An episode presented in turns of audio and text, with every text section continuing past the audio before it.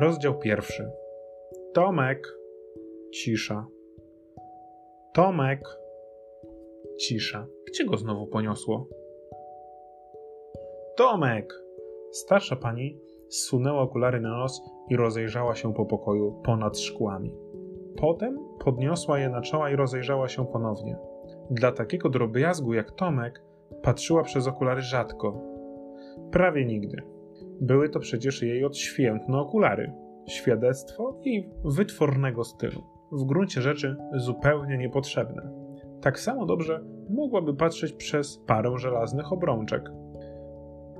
Chwilę rozglądała się zdumiona. Potem powiedziała bez gniewu, ale dość głośno, tak, aby meble w pokoju mogły ją usłyszeć. No czekaj, ja cię dorwał, to cię. Nie dokończyła. Schyliła się i zaczęła szturchać miotłą pod łóżkiem, aż się zadyszała przy tym. Ale na światło dzienne wylazł tylko kot. Co ja mam z tym chłopakiem? Nigdy nie wiem, gdzie on się podziewa. Podeszła do otwartych drzwi, stanęła na progu i rozejrzała się po rachitycznych krzakach pomidorowych, porośniętych dzikim zielskiem. To znaczy, rozejrzała się po ogrodzie. Tomka ani śladu. Zawołała głośno: Hop, hop! Tomek! Naraz usłyszała lekki szelest. Obróciła się w samą porę, aby chwycić przemykającego chłopca za kołnierz i uniemożliwić mu ucieczkę. A, mam cię! Że też od razu nie pomyślałam o spiżarni. Co tam robił? Nic. Nic. Popatrz na swoje ręce i na buzię. Co się tak lepi? Y, nie wiem, ciociu. A ja wiem. Konfitury. Sto razy ci mówiłam, że złoję ci skórę, jak mi tkniesz konfitur. Dawaj rózgę. O rany, ciociu. Obejrzyj się prędko. Ciotka Poli odwróciła się gwałtownie, zadzierając ze strachu spódnicą do góry. W tej samej chwili chłopiec dopadł już wysokiego parkanu i zniknął po drugiej stronie. Ciotka stała przez chwilę oszołomiona, a potem wybuchnęła serdecznym śmiechem. A to urwis, chyba już nigdy nie zmądrzeją. Tyle razy nabrał mnie przecież na ten kawał.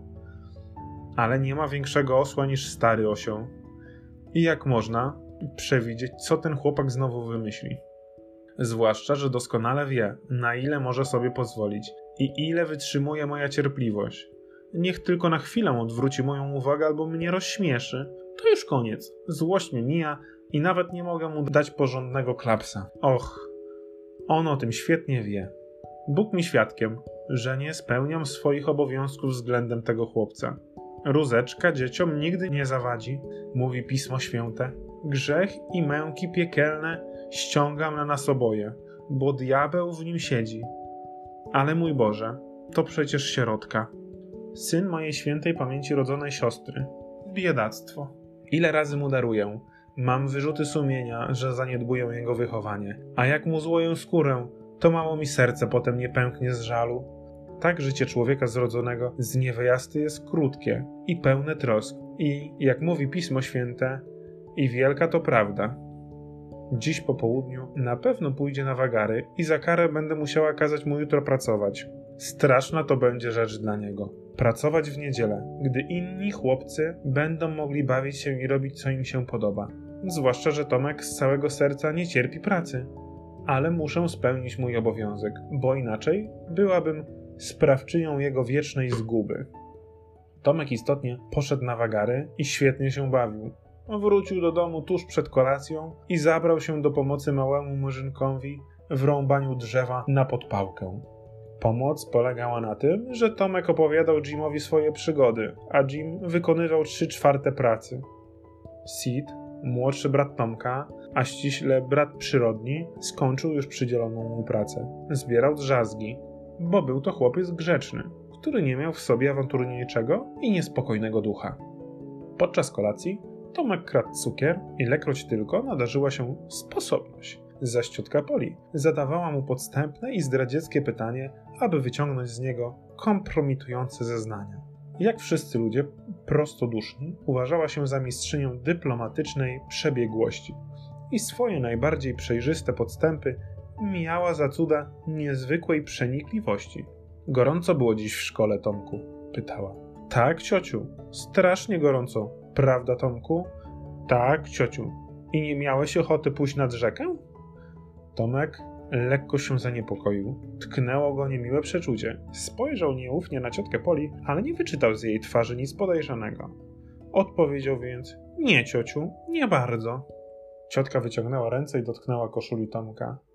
Ale teraz nie jest ci już gorąco. Była bardzo zadowolona z siebie, że w tak sprytny sposób sprawdziła, iż koszula jest sucha, a przy tym nikt się nie domyśla, do czego zmierza. A Tomek już odgadł, czego ma się spodziewać i uprzedził jej następne pytanie. Kilku chłopaków zmoczyło sobie głowy pod studnią. Ja też. Nawet mam jeszcze mokre włosy, widzisz? Ciotka była zła, że przeoczyła ten oczywisty fakt i że podstęp się nie udał.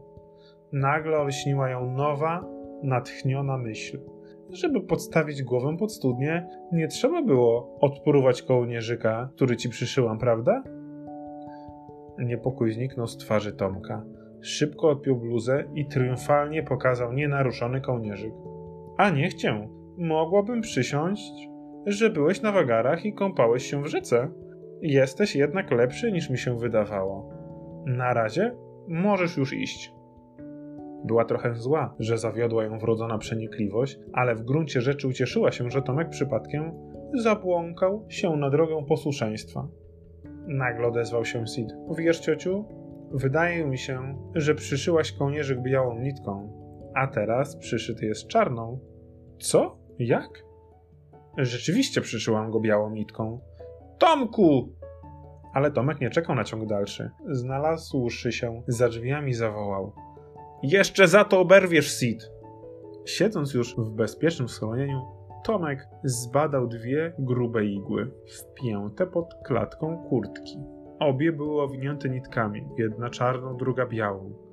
Gdyby nie Sid, nigdy by się nie połapała, mruknął. Do licha. Raz szyję białą, a raz czarną nitką.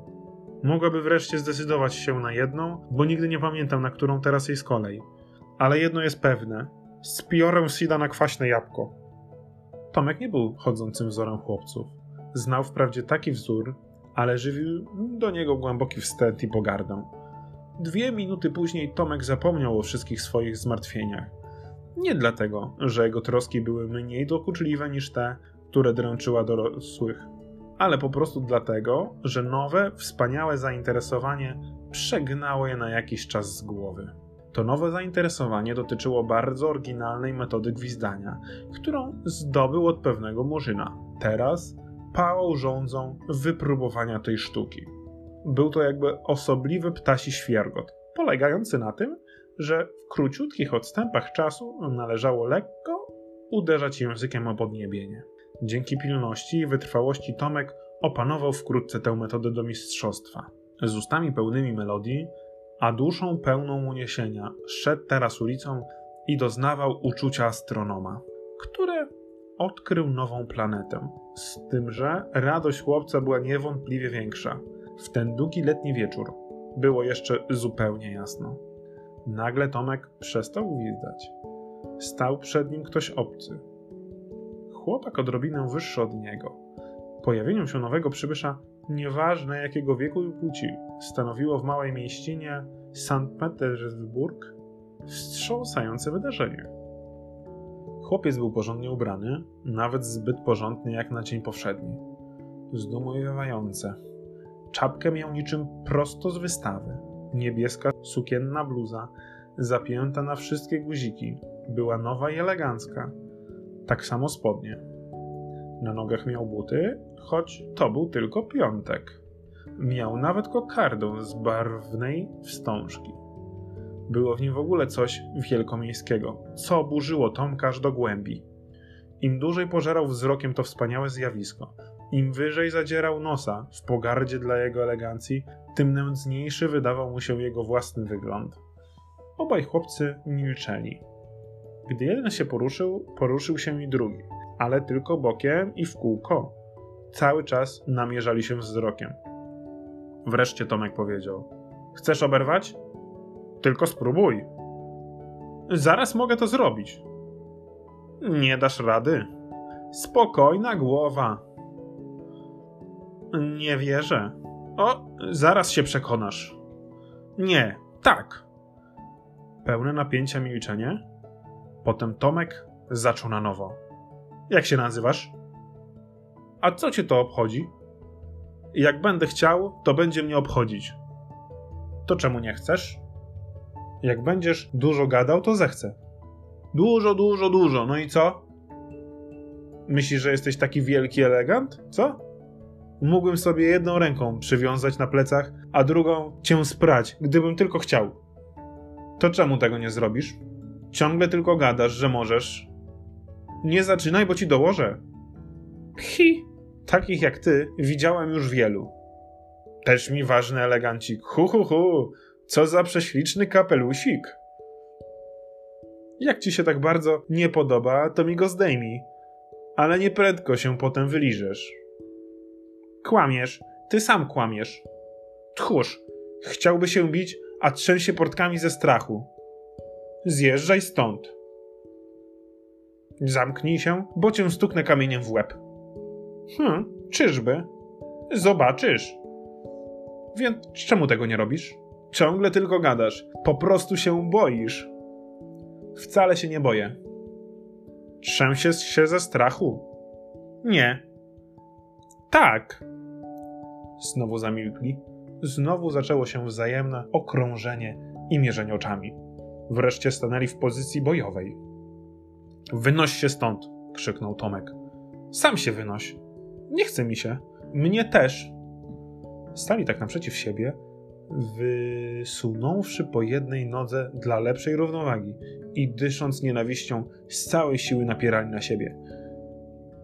Żaden jednak nie mógł uzyskać przewagi. Wreszcie czerwoni z wysiłku jak buraki, z zachowaniem wszelkich ostrożności, odstąpili od siebie. Ty szczeniaku, rzucił Tomek. Powiem o wszystkim mojemu starszemu bratu. On cię załatwi małym palcem. Gwizdże na twojego starszego brata. Mój brat jest większy od twojego. Przerzuci go przez ten parkan jedną ręką. Oczywiście, bracia byli zmyśleni. Kłamiesz. Gadaj sobie dalej. Tomek dużym palcem u nogi narysował na ziemi kreskę i powiedział: Spróbuj przekroczyć tę linię, a stukę cię na miazgę.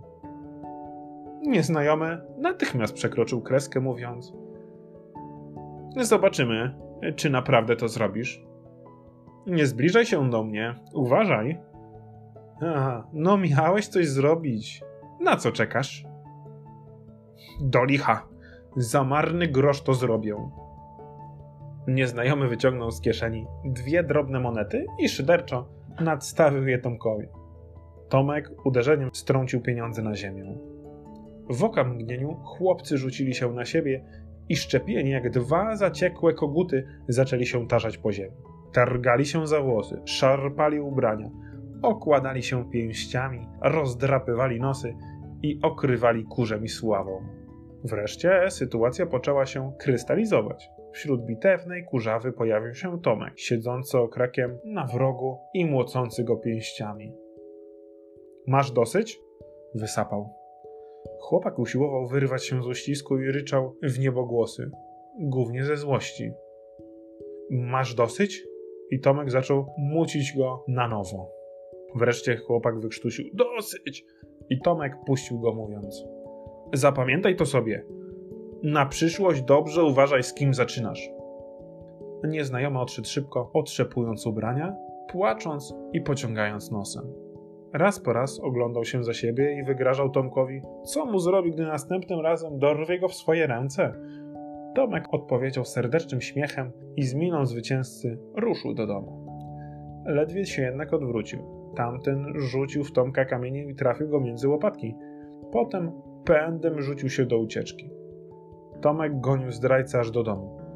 I przy okazji dowiedział się, gdzie mieszka. Jakiś czas patrolował przy bramie, wzywając nieprzyjaciela, aby stanął z nim do walki. Ale nieprzyjaciel tylko stroił do niego miny przez okno. Wreszcie pojawiła się matka nieprzyjaciela, nazwała Tomka złym, wstrętnym, ordynarnym chłopakiem i kazała mu odejść. Odszedł więc, ale zapowiedział, że jeszcze go dostanie w swoje ręce. Tego wieczora Tomek bardzo późno wrócił do domu. Kiedy ostrożnie wchodził przez okno, wpadł prosto na ciotkę, czyhającą na niego w zasadce. Gdy zobaczyła, w jakim stanie znajdują się jego ubrania, z całą stanowczością postanowiła skazać go w niedzielę na ciężkie roboty.